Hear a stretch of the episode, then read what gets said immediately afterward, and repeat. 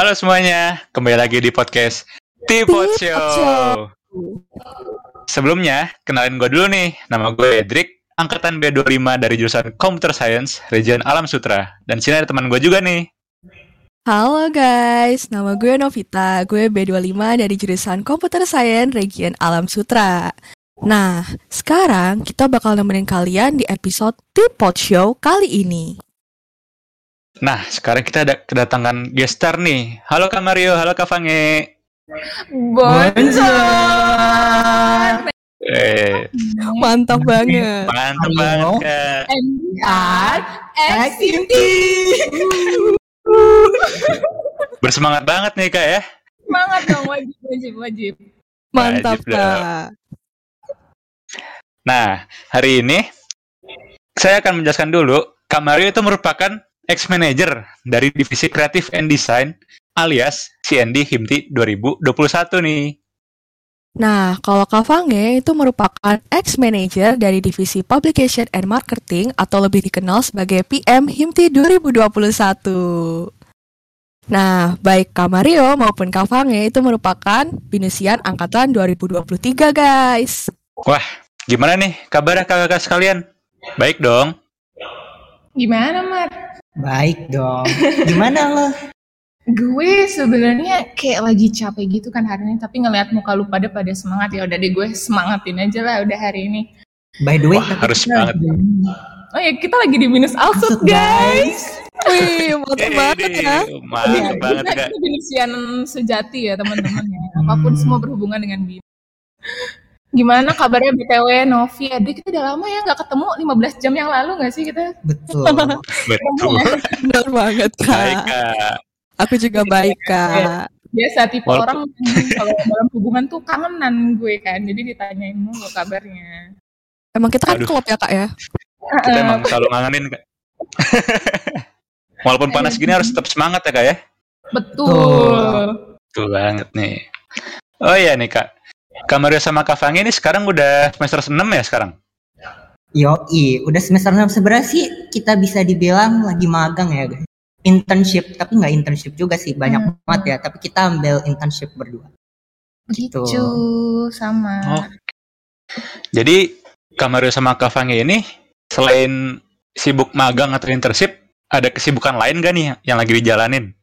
Sibuk bucin kali ya. Uh, Mario udah tinggi. Aduh aduh. berarti Enggak jadi, nyamuk di sini. Iya, bener nih. cuma Oh, magang iya, aja, iya. cuma magang aja. Iya magang sambil mikirin perekonomian negara aja sih kalau kita. Waduh, Pemikirannya berat ya, Kak ya? berat Iya. banget. Eh emang. Wah, berarti mantep banget ya. Oh, berarti kesibukannya magang nih, Kak. Dan Mm-mm. udah bisa dibilang hampir mencapai akhir perjalanan sebagai mahasiswa lah ya. Bener Pasti- banget. Beda banget nih pas awal-awal masuk kampus ya, Kak. Iya beda sih. Iya sih. Oh iya nih, ngomongin soal awal-awal masuk kuliah, kira-kira ada perasaan kayak sedih atau seneng gak kak? Waktu Kak Mario sama Kak Fange itu sekilas flashback lah ngelihat masa lalu kakak. Yang dulu ngerasa kayak, ah masih empat tahun gitu kan. Terus tiba-tiba sekarang udah ngelewatin lebih dari setengah, ya sekitar 3 per 4 perjalanan kuliah kakak gitu. Kalau dari Kak Fange dulu, gimana perasaan kakak? Wah jujur banget nih ya. To be honest, really honest, super duper honest nih. Gue apa ya? Puji Tuhan survive sih ya guys ya. Tiga tahun lo bayangin tiga tahun kayak bisa ngerti Java, C++, Python dan tete bengeknya itu kan yang algoritma algoritma kayak gitu. Karena to be honest tuh gue sebenarnya pas gue SMA 18 tahun gue hidup gue tuh nggak pernah kepikiran sekalipun masuk IT kayak tiba-tiba aja gue masuk IT gitu. Lu iya nggak? Atau enggak? Atau lu pengen masuk IT dari awal? Kok lu sama sama gue nih? Gila, kita Sama juga. Oh iya, eh lu juga ini. Sama Kak. Lu juga Nggak enggak kepikiran. Sama kita kak. Gue baru Wah. tahu sih. ya. Apa jangan-jangan ini perkumpulan orang yang gak Gak mau udah. Waduh, Patut dipertanyakan kak kalau gitu. masih menjadi misteri. Jujur ya, gue awalnya tuh mau di cafe nge. Tapi nggak Emang tahu nggak? dia. Tiba-tiba masuk IT. Iya kan ngelawak gitu Tapi kan. kan sekarang kan dia jadi UI UX kan. Iya, yoi. Beda tipis lah. Masih bisa melipir dikit dari IT Melintir lah ternyata. dikit. Gue gitu sih ya. Wah, gitu ya, Kak. Kalau dari Kak Mario gimana nih, Kak? Boleh dong di-share lebih detail lagi. Sebenarnya sih sama ya. Gua sama kayak Fange nih. Ceritanya tuh emang awalnya juga nggak kepikiran buat masuk IT sih. Bisa dibilang sih gue ganti jurusan banyak guys. Tes sana sini tapi ujung-ujungnya ya cinta bingus ya jadi IT gitu kan ya. Ya udahlah ya. Dan sama tiga tahun ini ya mau empat tahun kan eh, survive aja sih. Tuh. Puji Tuhannya Puji survive ya. Tuhannya ya. Puji Tuhan. Tuhan. Tuhan ya. Untungnya. Oh iya nih kak. Dulu tuh waktu awal-awal masuk ke jurusan computer science nih, itu kayak ada semacam ekspektasi gitu nggak sih kak? Kayak dulu misalnya saya nih, ngira tuh jadi mahasiswa computer science tuh bakal bisa ngehack komputer orang, terus biar kelihatan keren gitu loh kak. Eh ternyata pas sudah masuk malah ngeliatin orang India ngajarin ngoding doang. Kalau untuk Kak Mario, apakah relate juga kak? ada India ya emang agak sedikit relate ya itu emang menolong saya sih Dari semester satu nggak sih? iya bener setiap kalau mau ujian tuh hamin satu atau hamin berapa? Nggak hamin satu juga sih gila ya. Hamin tujuh Oh, lah ambis, seminggu ambis. seminggu. Ujian paling kita nontonnya India dulu. Pengen materinya tuh apa aja. Apalagi kan udah ngasih kisi-kisi kan.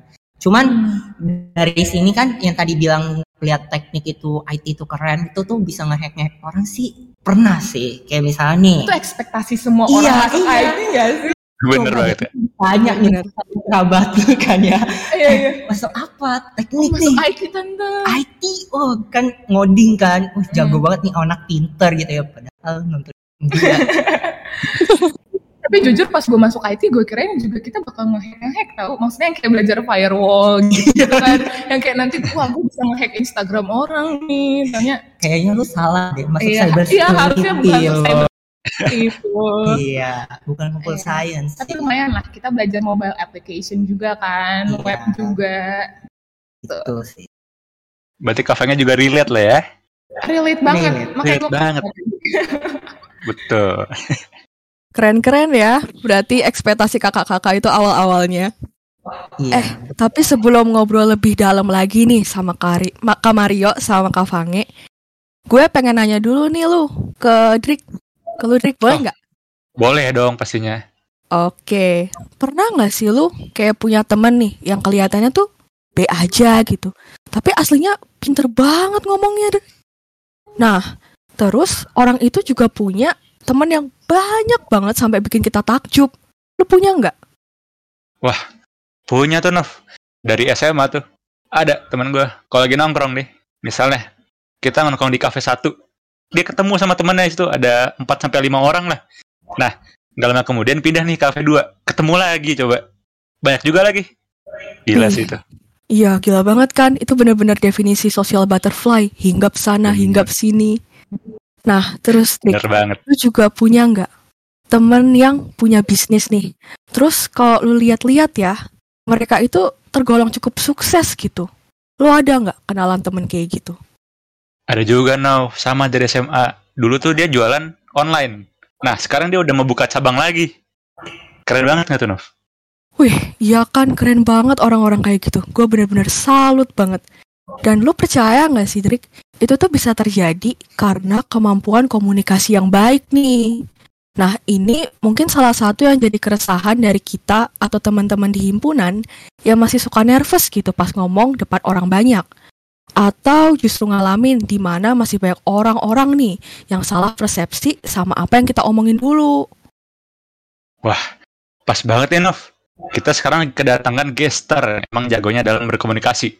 Dan emang suka banget nih ngobrol. Boleh dong Kak Fange. Waduh, gue sebenarnya hampir terbang nih lu bilang nih.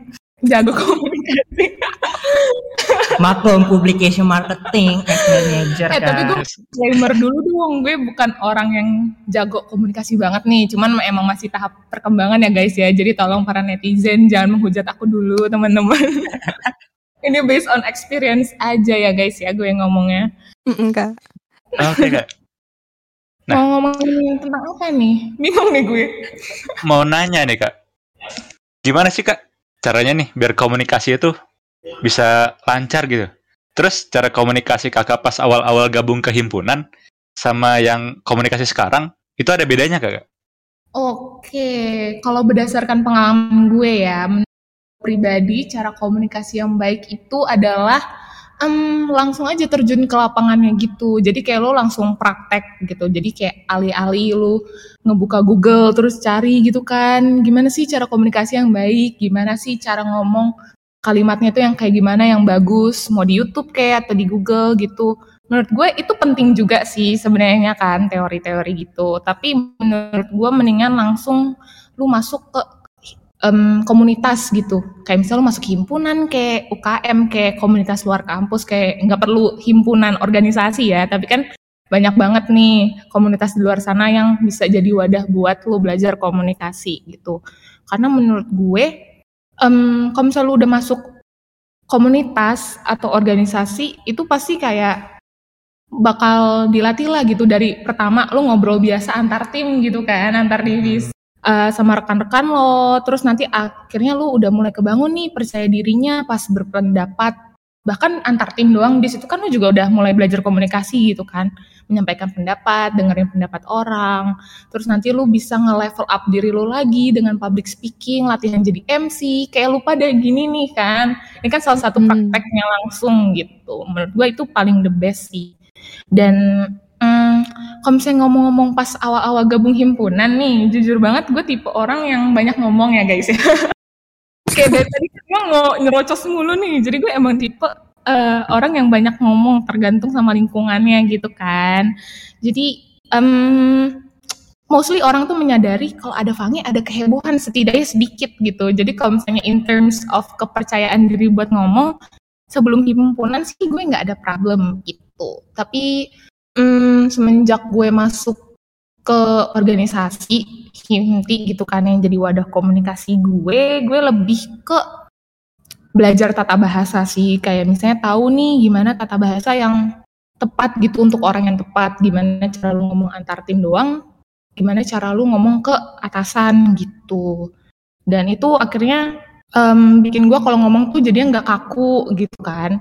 Dan menurut gue kan kita kan komunikasi ya Mar ya. Kayak misalnya gue ngomong ke lo, lo ngomong ke gue, gue dengerin pendapat orang juga dan organisasi kan orangnya kan banyak banget ya guys.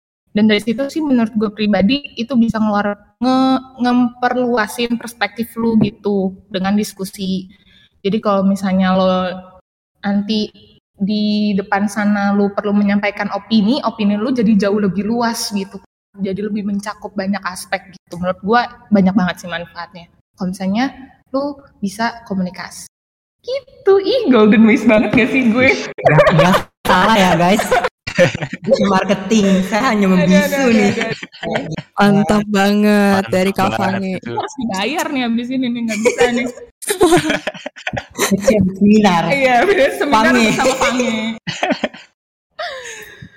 Nah, kalau dari Kak Fangi ini kan tadi prakteknya gitu ya. Nah, kalau dari Kak Mario gimana tuh Kak cara komunikasi yang baik? Mungkin dari Kak Mario teori-teorinya gitu Kak. Bisa di-sharingkan.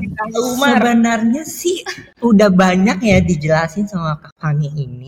Cuman kayaknya gue nambah-nambahin dikit aja ya. Paling penting kalau komunikasi itu tuh yang baik itu tuh pasti harus dua area guys.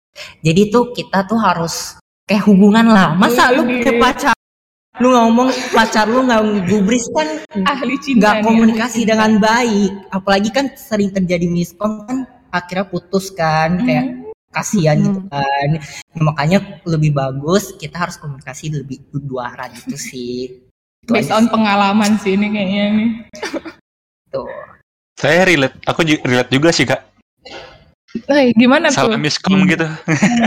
Gimana? Ada pengalaman, Rik. gitu, ada pengalaman. Waduh, akhirnya ya berantem. Aduh. Waduh.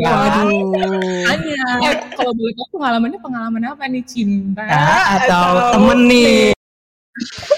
ya, cinta sih, Kak. nanti aja. Iya, iya. Nanti. Nanti aja. Spill di belakang layar Layar ya. aja. ya.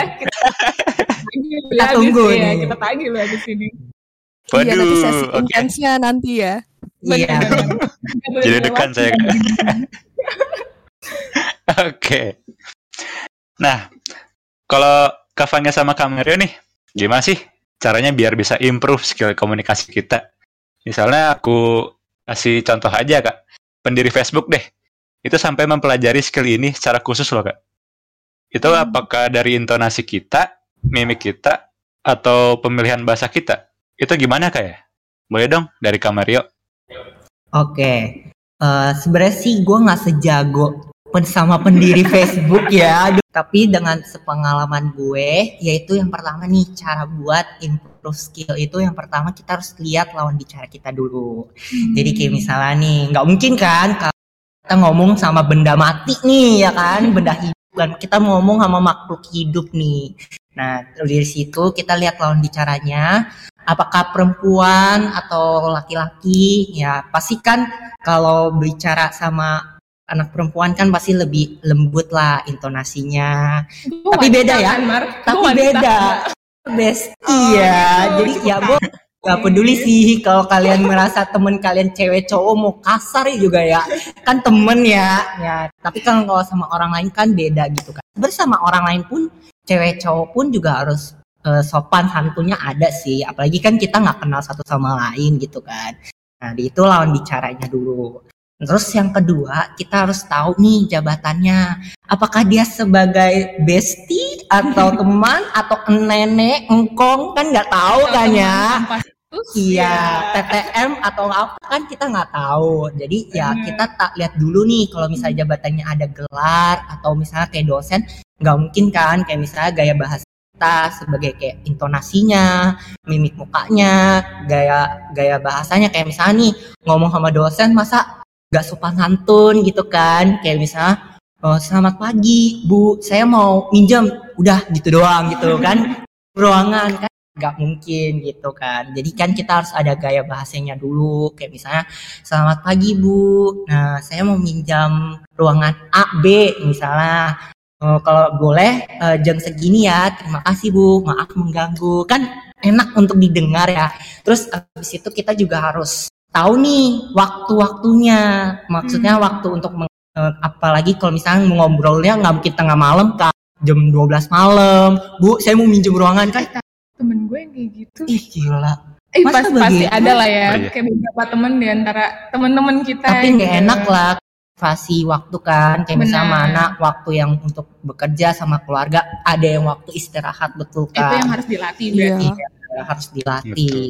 Terus abis itu dari gaya mimiknya sih itu utama ya. Jadi kita harus ngomong sama orang tuh harus senyum. 3S senyum sapa salam. Iya. Jadi kita harus terapkan itu dari kecil kan ya. Kan dari pasti ke dari SD juga udah diterapin dong 3S nah dari situ kita bisa komunikasi dengan baik gitu sih. Wah. Jadi kuncinya itu benar-benar lihat dulu ya kak ya lawan bicaranya itu dari gendernya, terus jabatannya dan merhatiin juga mimik mukanya ya kak ya. Kita perhatiin mimik muka kita gitu. Nah, dari skill yang kakak udah asah nih selama perkuliahan dan join di Himti, berdampak nggak sih kak buat kehidupan sehari-hari kakak? Misalnya nih di lingkungan rumah, kakak sama orang tua kakak tuh jadi, jadi jarang miskomunikasi gitu kak. Atau mungkin pas kakak ngajuin magang kemarin gitu kak. Kalau dari Kak Fange gimana tuh kak pengalamannya? Oke, kalau gue jujur paling berdampak ya. Em, mungkin kalau ke keluarga lebih be aja kali ya. Karena kan kalau ke keluarga kita ngomongnya santai kan, kayak as usual aja gitu. Cuman menurut gue berdampak banget mungkin pas interview tuh, pas interview magang. Kan baru-baru ini banget nih ya. Nah, menurut gue kalau misalnya em, lo punya skill komunikasi yang baik nih, yang which is gue kan udah mulai diasah gitu salah satu platformnya di Himti gitu. Em, pas gue interview, jadinya gue tata bahasanya jauh lebih bagus lah gitu. Jadi kayak misalnya nih, lu ditanya kenapa saya harus memilih kamu gitu kan. Biasanya kan kalau misalnya orang-orang biasa tuh kayak, oh eh, perusahaan ini perlu memilih saya karena pekerjaan ini cocok untuk saya dan latar belakang pendidikan dan saya merupakan orang yang bekerja keras titik gitu kan tapi kan once kalau misalnya lu punya skill komunikasi lu bisa improve ke kalimat yang lebih mahal gitu kan kayak kayak apa ya gue jadi ya pokoknya adalah contoh kalimat mahal kayak kayak kalau lu lihat di TikTok TikTok lu pernah lihat nggak sih yang kayak misalnya cara menjawab interview Betul. Gitu-gitu. Gue sering Oh, banget itu. kok nge-follow gak? Nah iya Ternyata. Saking di interview kita berdua. Desainnya gimana? Nah menurut gue kalau misalnya lu punya skill komunikasi yang baik, nah lu bisa ngejawab pertanyaan interview kayak gitu-gitu tuh. Mungkin gue belum bisa contohin sekarang ya.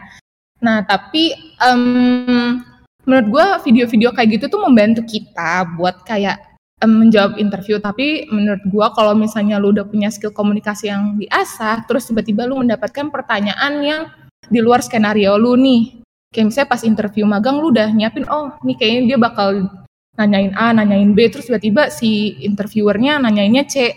Kan nggak di luar skenario lu ya, tapi once lu punya skill komunikasi yang baik, skill komunikasi yang udah keasah, lu bisa nge-improve gitu jawabannya gitu. Jadinya kayak lebih percaya diri juga sih kata gue. Dengan em, baik itu dari intonasinya gak gugup pas jawab, terus tata bahasanya jauh lebih rapih dan lebih sopan dan lebih mahal dan lebih dan lebih ya sesuai standar lah bisa dibilang gitu. Kalau menurut gue gitu sih ya, banyak banget lah dampaknya. Oke kak. Nah, Kak Maria sama Kak Fangi ini kan ex-manager Himti 2021 kan? Dulu yang bikin kakak termotivasi itu apa sih? Boleh dong dari Kak Fangi dulu. Aduh, ditanya motivasi nih. Gue aja juga bingung. ya. Jujur banget kalau ditanya motivasi jadi manajer tuh gue gak ada guys. jadi jujur to be honest banget, gue tuh masuk Himti em, karena gue dapet omongan-omongan manis dari kating-kating. Nanti kalau misalnya masuk Himti dapat SAT dan Comserve gitu Tapi kan. terbukti sih. Terbukti sih, Iya, bener. Gue tuh masuk Himti cuma bener-bener cuma buat itu doang gitu. Bahkan gue pas tahun kedua Himti, gue itu mm, nggak kepikiran buat apa level up sejauh itu gitu. Mungkin kepikiran sih buat lanjutin Himti, tapi nggak kepikiran buat menjadi salah satu orang penting aja. Ya. penting. Bisa tuh kak. Iya, itu kayak itu bener-bener waktu itu gue lagi malam malam-malam lagi nonton drakor kan biasa. Anaknya Korea banget gitu kan. Gue nonton drakor terus tiba-tiba tring tring tring gitu. Terus dilihat wih William Yulio nih nelpon gue. Ada apa nih? Kangen apa gimana? gitu kan keren gue. Terus gue angkat lah. Eh terus dia bilang nih lagi apa? Basa-basi dulu gitu kan. Kan makin pede ya. Wah nih anak kangen nih sama gue nih nanyain kabar gue eh taunya dia tiba-tiba lanjutin lagi apa kayak ya lu mau nggak nih gue ada project satu tahun lu mau kerja sama nggak sama gue? Gitu. Itu awal mulanya sih. Terus gue kan agak lemot ya anaknya ya. Terus gue kayak hah project satu tahun apaan? Perasaan kita project satu semester semua kan. Gue udah bingung banget project satu tahun apaan. Terus dia terus kayak marah gitu kayak masa lu nggak paham sih nyampe sini? Terus akhirnya dia ngasih tahu gitu kalau misalnya dia mau ngerekrut gue jadi manajer Himti gitu sih jadi kalau ditanya motivasi em, mungkin motivasi gue nerima manajer Himti ya karena gue udah nyaman juga sih sama anak-anak Himti asik Asik. Gue gue cuma menyimak. Gila. Iya, jujur kan gue orangnya people person banget guys. Jadi kalau misalnya gue udah nyaman sama satu tempat, oh ya udahlah, as long ada orang-orang itu, ya udah gue gas aja gitu kan. Nanti ke depannya kerjasamanya pasti lebih enak gitu. Gue sebatas itu doang sih sebenarnya motivasinya.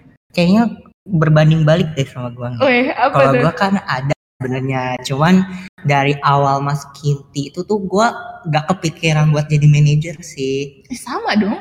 Iya sih, tapi gue pengen yang lebih.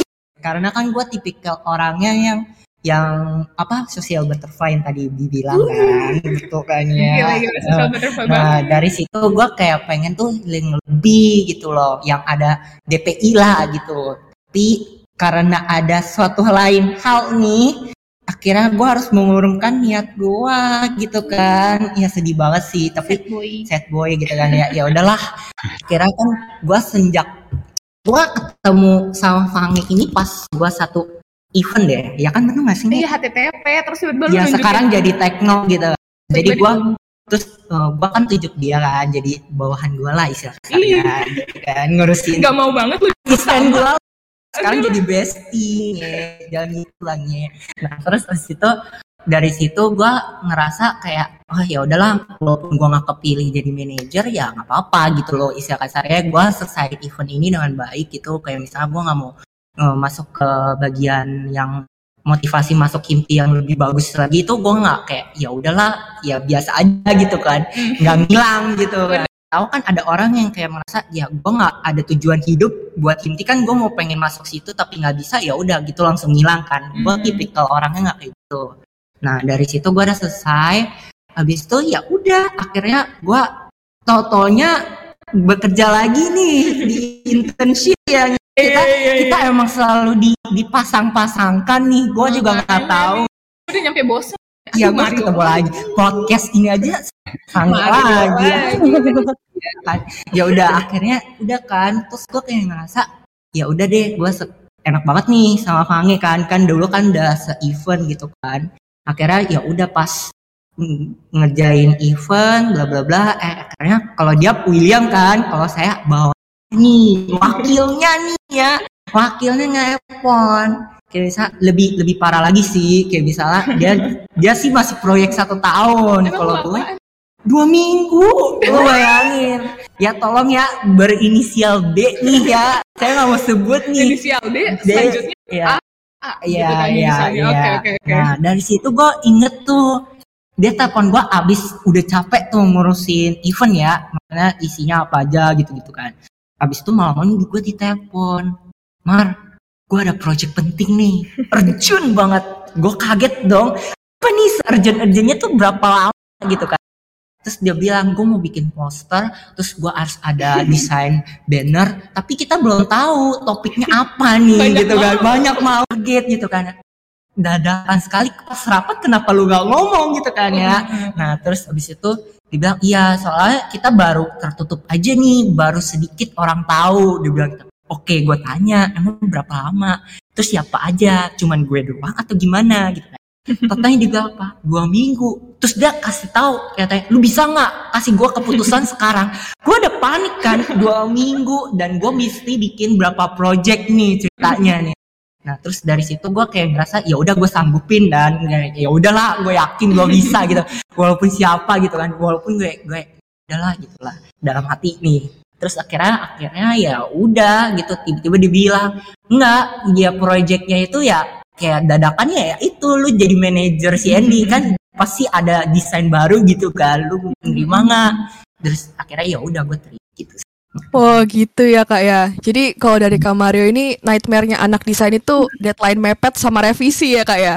Iya bener iya kalau anak desain anak si Andy sih lebih tepatnya sama desain D&D itu paling pertama itu harus kuat revisi mau masuk C&D atau D&D ya guys ini buat anak 6 nih kalau misalnya mau C&D atau D&D bukannya jago desain atau apa Tapi menurut jago gue desain termasuk. ya tapi ada yang diam-diam tuh gue jujur dari awal tuh gue nggak bisa desain guys Adobe aja gue baru belajar pas masuk Kinti jujur aja nih Oh iya. lu kaget boleh kan, juga. ya?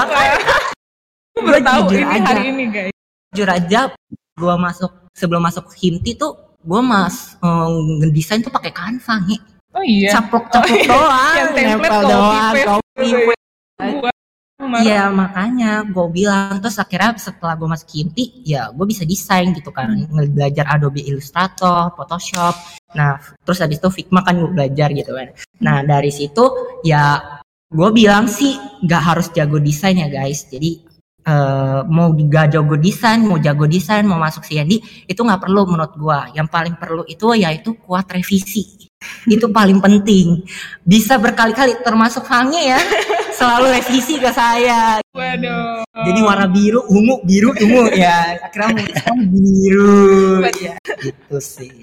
Wah pengalamannya kakak nih berarti bukan motivasi ya tapi lebih ke ngalir gitu ya kak ya perjalanannya buat jadi manajer Himti. Berawal dari pranknya DPI Himti ya. Iya sih. Emang bener-bener ditandain nih DPI ini. Kak, itu kan kakak kan pernah ngerasain nih jadi manajer Himti. Kira-kira ada nggak sih kak kayak pengalaman yang challenging gitu waktu jabat jadi manajer? Jujur banget nih, kalau gue kebetulan challengingnya satu tahun ya guys ya. Jadi satu tahun menjabat di situ tahun pengalaman challenging gue. Karena jujur kan gue kan tim PM ya. Nah, udah pada tahu lah pasti anak-anak Himti itu tim PM itu divisi paling gede gitu. Paling gede dalam artian orangnya paling banyak. Angkatan gue aja jujur tuh honest waktu itu hampir 70 guys. Banyak PM. oh gak boleh buka kartu ya. Pas angkatan gue hampir 70 orang lu bayangin dua region untung itu masih dua region guys ya belum sekarang lima region nah waktu itu udah 70 orang dan tim PM ini kan hmm, pekerjaannya tuh banyak juga ya. Maksudnya kayak demand dari pihak binus buat bikin konten di website artikel gitu kan. Terus kita dari pihak luar soal kerjasama dari pihak internal soal branding Himti di feeds di sosial medianya Himti gitu. Dan emang butuh banyak personil kan. Nah cuman challengingnya ini adalah jeng jeng jeng jeng menyatukan 70 orang ini teman-temannya Wow. aduh Relate Bener sih. banget sih itu kak. Iya kan lu bayangin nih 70 orang sebenarnya kalau misalnya emang pada menjalankan tanggung jawabnya dengan baik gitu kan bisa lah gue sangat terbantu gitu kan. Cuman ya kalau online nih susah banget guys. Iya gak sih? Lu ngerasa gak sih kalau misalnya online tuh em, kalau gue ngobrol, misalnya kita diskusi aja nih, satu ngomong yang lainnya ngerip gitu kan. Pernah ngerasain? itu kak. Iya kak. Dia nggak relate, offline aja deh nih. Lu lu bed ya. Kalau gua pas rapat ada yang tidur. Ada. Saking Lebih capeknya gitu kan ya. Gua kayak ngerasa Hmm. kasihan. Iya, jadi challengingnya lebih ke interaksi sih. Kayak misalnya kalau misalnya di grup, em, biar lebih banyak interaksi gitu pas online. Misalnya di grup gue minta anak-anak gue yang tercinta ini ngerespon gue di grup, ngasih reaction stiker aja gitu kan. misalnya di Discord. Nah, Discord platform yang paling berdampak kayaknya di, di angkatan gue. Kayak semuanya serba Discord kan, Mar? Iya, betul. kayak di em, meeting kita Discord terus kita tuh sering banget kayak cuma ngobrol-ngobrol doang di Discord pas angkatan gue kita nonton terus kita mabar juga gitu jadi itu salah satu solusi sih dari challenge yang tahun ini which is interaksi itu. Gitu kalau gue ya. Paling Oh penting gitu. gara-gara kita online aja sih, Nge. iya menurut gue gara-gara online sih. Online tuh susah banget guys. Iya kan? Hmm. Jadi nggak ketemu langsung gitu kan? Bener, jadi kalau kalau misalnya dia hilang atau lagi kenapa-napa tuh gue nggak tahu nih. Jadi otak gue tuh udah keburu netting duluan kan, wah nih anak AFK nih, tapi kan nggak tahu di belakangnya dia lagi kenapa Iya. gitu kan. Dan totonya maknya panggil gitu kan. Ah. Beli beli catnya ya, itu nggak tahu. Gak ada yang tahu gitu. Oh gitu ya kak ya. Wah, berarti dari pengalamannya Kak Fang ini kelihatan jelas ya jadi manajer itu pastinya lebih banyak tantangannya. Aku Mm-mm. aja yang masih jadi aktivis ini ketar-ketir nih kak. Kalau dari Kak Mario gimana kak? Ada nggak kak pengalamannya? Jujur ya, gua kalau misalnya si Fange 70 orang, gua inget banget gua hampir. hampir 70 Heeh. ya. Gua gua hampir gocap 50 guys. Jadi pas tahun kemarin tuh anak sini 50 ada deh Banyak kayaknya. juga. Lumayan Wenge. Makanya gue juga kaget pas internship aja juga capek gue. Aduh Iya iya. gila itu tuh revisi banyak banget. Buat teman-teman Benician 2026, kalau misalnya mau masuk Kimti langsung aja masuk. Promosi ya, Promosi, ini promosi. Lanjut, lanjut, lanjut. gue tuh ngerasa kayak ya masih bisa sih kayak misalnya kadang-kadang eh, masih ada banyak anak aktif terus habis Hmm. itu lebih banyak kuat revisi sih gue salut kayak misalnya tuh sebenarnya nggak ada tantangan sih tapi ada sebagian yang eh, bikin gue apa ya sedih aja sih kayak misalnya ngapain lu masuk Candy tapi kebanyakannya ya kayak pengen males-malesan itu ada Hmm. tapi kita lihat aja sih lebih banyak suka daripada duka sih gitu Ih. jadi gue masih ada nggak terlalu terlalu tertantang lah masih bisa handle gitu Wih, pengalamannya bener-bener itu ya kak ya, banyak ya kak ya challenge-nya. Nah kak, sekarang nih aku mau sedikit sharing nih keresahan aku nih kak. Boleh nggak kak? Oh, boleh, boleh, boleh. boleh banget kita Siapa Oke oke. Golden ways gitu ya Siapa si tahu kita bisa gitu menjadi Shell always listening, Always always, understanding. understanding. Oke, silahkan kepada klien Terus. kita. Mantap kak. Iya kak ya. Aku itu kan baru ngerasain nih kak punya temen yang satu timnya itu anggotanya beda-beda gitu kak. Beda banget. Jadinya aku tuh ngerasa chemistry di antara kami itu kayak kurang dapet gitu kak. Nah, kan berhubung kakak-kakak ini pernah jadi manajer nih, pasti pernah dong megang suatu tim yang isinya berbagai macam makhluk yang beda-beda gitu kak, hetero banget macam-macamnya. Tuh. Nah, caranya buat nyatuin timnya itu gimana tuh kak? Dari Kak Mario gimana tuh kalau menurut kakak? jujur ya, ini topiknya berat nih. ya. Berasa ujian PNS nih gue. Iya, tapi yakin eh, sebenarnya gini, dari satu kelompok ini emang banyak beragam-beragam nih, kayak misalnya Hmm. orang-orang unik, bahkan dari negara kita aja tuh, maksudnya negara Indonesia banyak provinsi nih dari Papua, dari mana ada yang dateng dari binus Hmm. kan, kita kan nggak tahu kan ya. Terus abis itu menurut gue sih kita juga nggak mungkin tahu nih dia seorang MBTI-nya itu Wih. apa nih itu nggak ada masalah guys kayak misal kalian kalau ngerasa kayak gue introvert tapi gue pengen banyak temen di Himti tapi takut nih gitu. Kayak misalnya so SKSD itu nggak ada masalah guys. Jadi menurut gue itu jangan perlu takut untuk berteman satu sama lain sih. Nah buat nyatuinnya itu kalau gue dalam pribadi kan gue pernah megang event nih. Maksudnya kayak misalnya eh, cara buat jadi manajer maksudnya kan jadi pemimpin nih.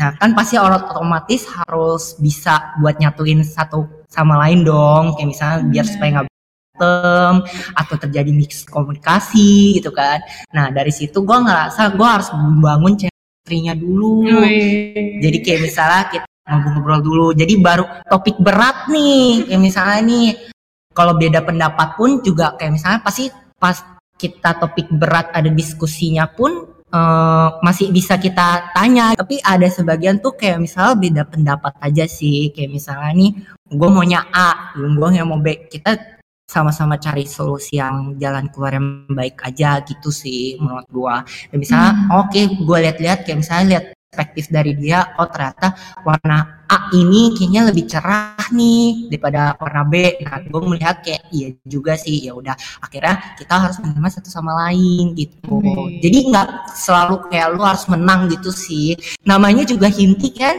One family one goal. Kita harus Itu kan? Benar-benar. Betul. Banget. Itu moto hinti guys oke kita harus harus kelihatan jalanin. banget ya cinta himtinya ya ya ampun. Iya benar. Thank you loh kak solusinya dari Kak Mario. Sekarang kalau dari Kak Fangi gimana nih kak? Ada tips-tipsnya nggak? Jujur to be honest, em, sekali lagi nih karena gue tipe yang people person banget, menurut gue relationship sih. Pertama, lu harus bisa bikin lingkungan lu tuh nyaman gitu Iya kan? kan. Iya. Chemistry kalau Chemistry, bisa. gitu. Kayak misalnya em, jangan langsung ke diskusinya dulu gitu. Betul. Misalnya lu ngomongin hal-hal yang general kayak eh lu suka K-pop gak sih atau lu nonton drakor gak sih? Gitu. Nah, nanti once kita dapet nih yang sama gitu, terus nanti kita ngobrolin tentang hal itu atau nggak mungkin buat cewek cowok yang doyan mab, no- apa main gitu kan PC game atau apa terus nanti lu mabar dulu gitu. Menurut gua bangun relationship dulu sih yang paling penting. Kalau misalnya lu udah cocok terus jadinya kan jadi lebih nyaman gitu ya. Untuk kayak misalnya lagi ngomongin pendapat nih yang kayak Mario tadi bilang misalnya gue pendapatnya A dia pendapatnya B. Tapi karena kita relationshipnya udah oke terus jadi kayak kita hmm, buat ngasih tahu pendapat kita tuh jadi lebih nyaman gitu karena oh kayaknya dia nggak bakal sakit hati deh atau enggak kayaknya dia bakal mengerti gue omongin gitu jadi tektokannya kayak lebih enak gitu kayak langsung satu satu gitu. langsung dapet solusinya menurut gue relationship sih Terus pendapat penting banget sih menurut gue. Eh, iya, iya, Kayak iya. Jangan gue tanya gitu kan, mm-mm. pendapat tuh apa gitu kan. Itu Mm-mm. sangat penting guys.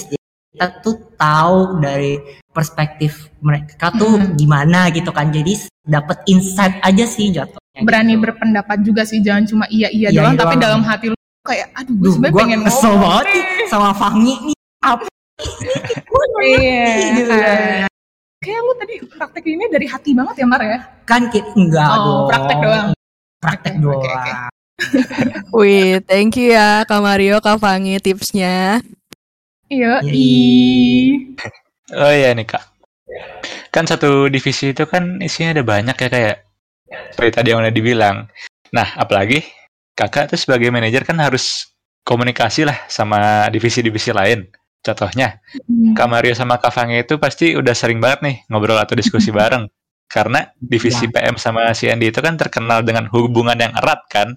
Kayak Kak Mario sama Kak Fange ini sekarang nih. Ya. bercanda kak, bercanda. Gue banget ketemu Gue tandain lo Edric ya. Waduh kak, jangan. bahaya, bahaya. Kira-kira deh kak, pernah gak nih ada kayak pengalaman sulit gitu ber dalam berkomunikasi di dalam satu divisi atau nggak di antara divisi lain? Boleh dong dari kafangnya dulu. Kalau kesulitan sih pasti ada ya, banyak banget. Dan sekali lagi, lagi-lagi nih, pasti tentang perbedaan pendapat gitu tadi, gitu kan. Kayak misalnya lagi diskusi nih, kita mau bikin konten apa ya, gitu kan. Biasanya kan um, gue itu kadang-kadang join gitu discordnya mereka terus mereka ngomongin gitu dan um, mungkin kesulitan komunikasinya ya itu tadi mereka kurang pede buat uh, ngomongin pendapat mereka gitu jadi kalau misalnya pertama ada yang udah buka topik nih eh kita mau bikin apa? Diem gitu kan. Hmm. nah itu menurut gue karena mereka mungkin kurang pede kali ya buat takut sama nah iya dan jadinya gue itu kadang harus kayak ikutan juga ayo nih siapa kita panggilin satu-satu gitu kan. Biasanya yang kayak dosen ayo buat yang ini gimana menurut lo? Gitu. Mungkin kendala komunikasinya di situ kali ya tapi kalau misalnya udah rampung menurut gue ya udah bagus sih udah bisa ke handle udah bisa cover ke divisi lain nah cuman nih manusia ini sering kali telepon jam 12 malam buat konten doang guys jadi karena di satu atasan gue juga telepon nih ya terhubungi kita sepaket nih, uh, jadi kita nggak bisa dilepas. Bener gitu. bener bener. Hmm. Ya kesulitannya di situ aja sih kalau menurut gue ya sejauh ini ya rasa percaya diri. Oh gitu. Kalau dari Kak Fangi. Kalau dari Kak Mario gimana Kak? Kalau dari gue sih paling kalau antar divisi agak agak gimana ya? Maksudnya kayak kalau sama divisi sih gampang istilah kasarnya uh, banyak kenalannya nih aku kan. Kalau misalnya antar divisi paling kayak Fangi ini ya udah biasa sih. Kayak Buang udah nih ya, udah nih anak komisi dua gitu ya udah eh, Esther, Fangi gitu kan ya ah itu itu lagi orang-orangnya itu itu lagi. Kayak Matthew komisi satu kayak misal Matt minta orang itu kayak misalkan kan dia minta gue minta orang kan kayak misalnya dari komisi satu tuh yang bagian event siapa aja? Jadi kita bisa tektokan gitu loh ngomongnya. Hmm. nah tapi di satu lain kan pasti ada beda anak beda feelnya nih ceritanya anak lu aja tektokan sama gue kan agak susah ya maksudnya kan ya takutnya salah ngomong gitu kan. Kalau sama Fange kan sendiri kan masih beda lah istilah kasar. Kayak anak gue sama anak anak gue sama anaknya Fange pasti beda banget gitu di intinya sih tuh itu sih tantangan gue sih kalau misalnya kesulitannya. Jadi susah buat ngeklopin aja sih kalau antar divisi anaknya gitu. Tapi gue berusaha sih guys. Aku juga guys, nggak mau kalah. Hmm. Jadi harus dimaksimalin usahanya ya kak. Iya betul. betul. Oke nih, kan komunikasi itu kan penting banget ya kak di dalam satu divisi atau nggak di antar divisi. Tapi kalau aku kasih pilihan nih kak, menurut kakak tuh lebih penting komunikasi di dalam satu divisi atau di antara divisi ya kak? Kalau menurut Kamario gimana? Wah ini sulit ya. Benar-benar sulit. Gak bisa dibandingin. Kan karena dalam divisi sama antar divisi sih plus minus ya. Yang pertama tuh kalau misalnya anggap walaupun emang lebih sulit karena kan kayak misalnya anggap deh di perusahaan nih gak usah inti dah. Di satu perusahaan lu ngebangun project ada tim developer sama tim desain nih. Gak hmm. mungkin kayak misalnya uh, antar divisi tuh lebih mudah nih daripada uh, sama divisi gitu kan. Atau enggak sebaliknya itu menurut gue kesinambungan sih. Jadi ada minusnya kayak misal kayak tim desain. Pasti diskusi dulu dong antar tim desain. Mau bisa kita mau ngacangnya gimana nih bentuk produknya. Terus kalau misalnya tim developernya cara buat ininya kan gimana gitu. Baru kita ngomongin satu sama lain kayak misalnya kayak front end sama anak desain gitu kan. Jadi menurut gua sih bisa dibilang nggak ada nggak bisa milih sih plus minus aja sih. Kalau lu gimana nih? Gue kalau gue ya jujur menurut gue lebih penting satu divisi. Gak tahu sih Kenapa? ya. Kalau menurut gue nih, karena kalau misalnya satu divisi aja nggak zing gitu, eh maksudnya nggak nggak apa ya, nggak sinkron gitu otak pendapatnya sama. Oh. Misalnya nih, sebenarnya nih satu divisi ini tuh pengen hasil akhirnya A, tapi ada satu orang yang mikirnya hasilnya B. Dan akhirnya pas kita komunikasi ke apa divisi lain, nanti nangkepnya beda gitu kan. Itu kan bisa jadi miskomunikasi yang gede banget, apalagi kalau lu di kerja project gitu. Misalnya tim lain lagi nanya ini ke lu, eh ini sebenarnya hasil projectnya kayak gimana sih? Atau enggak ini tuh sebenarnya yang mau diperbaikin yang mana? Tapi lu salah ngomong gitu, terus jadinya malah jadi em, masalah baru yang lebih gede, mungkin yang lebih fatal juga gitu. Dan itu ternyata cuma karena miskomunikasi di dalam satu divisi gitu kan. Menurut gue jadi lebih penting menurut gue buat mm, nyatuin pikiran satu divisi dulu sih. Jadi pas ke antar divisinya semuanya hasilnya sama gitu. Mereka ngomongin hal yang sama Iya sih. gitu. nggak ada yang salah sih ya. Eh, dalam diskusi itu emang penting sih nggak mungkin kan ntar nggak jadi jadi proyeknya nggak jadi Jadi makanya kalau misalnya lu bingung sama satu hal, misalnya lu tim lain lagi nanyain ke lu, tapi lu nggak terlalu tahu nih, lu jangan asal ngomong, mendingan lu ngomong dulu antar divisi lagi gitu.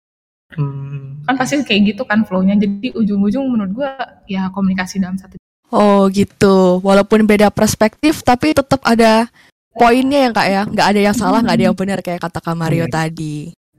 Bener.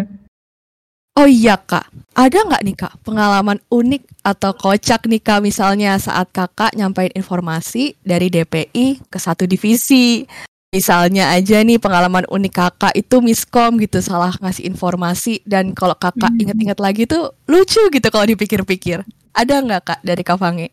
Gue sebenarnya pengen cerita, cuman gue short term memory nih guys. Salah kamu nanya ke Fange baru nanya nih bisa nge project ini kapan ya? Udah ditanggain nih tanggal 13 ya. Oke kita deal. Gue udah nyatet nih dia nggak nyatet. Terus gue tanya nge ini kita postnya kapan ya? Kan gue males buka kan? Terus dia bilang kapan ya Mar? Kan kayak Iya, gue itu short term memory guys. Jadi Mario yang boleh cerita. kalau Oke, oke. kita ya bisa miskom itu kita selalu eh, pusingin tanggal sih kadang-kadang Hmm. misalnya bisa tanggal pindah kayak misalnya ini marga nih kayak gak jadi deh misalnya miskomnya bisa misalnya tanggal 5 nih projectnya misalnya di post nih tanggal 5 Mm-mm. tentunya diundur gitu kan tiga tapi orang ada yang sebagian DPI itu bilang tanggal 5 itu sih kok Hmm. menurut gue yang komiskom itu ya tanggal aja sih karena kan eh, emang padat ya event Himpi itu padat banget gue lihat gitu kan ya jadi Bener-bener. ya harus butuh time management yang baik sih gitu Betul banget kak. Wah, Lu pada ada nggak nih? Gue pengen tahu juga Iya. dong angkatan ini. kepo Gimana, kepo gimana? kita dong, kepo spill dikit spill dong. Kalau dari lu Drik, ada nggak Drik? Pengen tahu.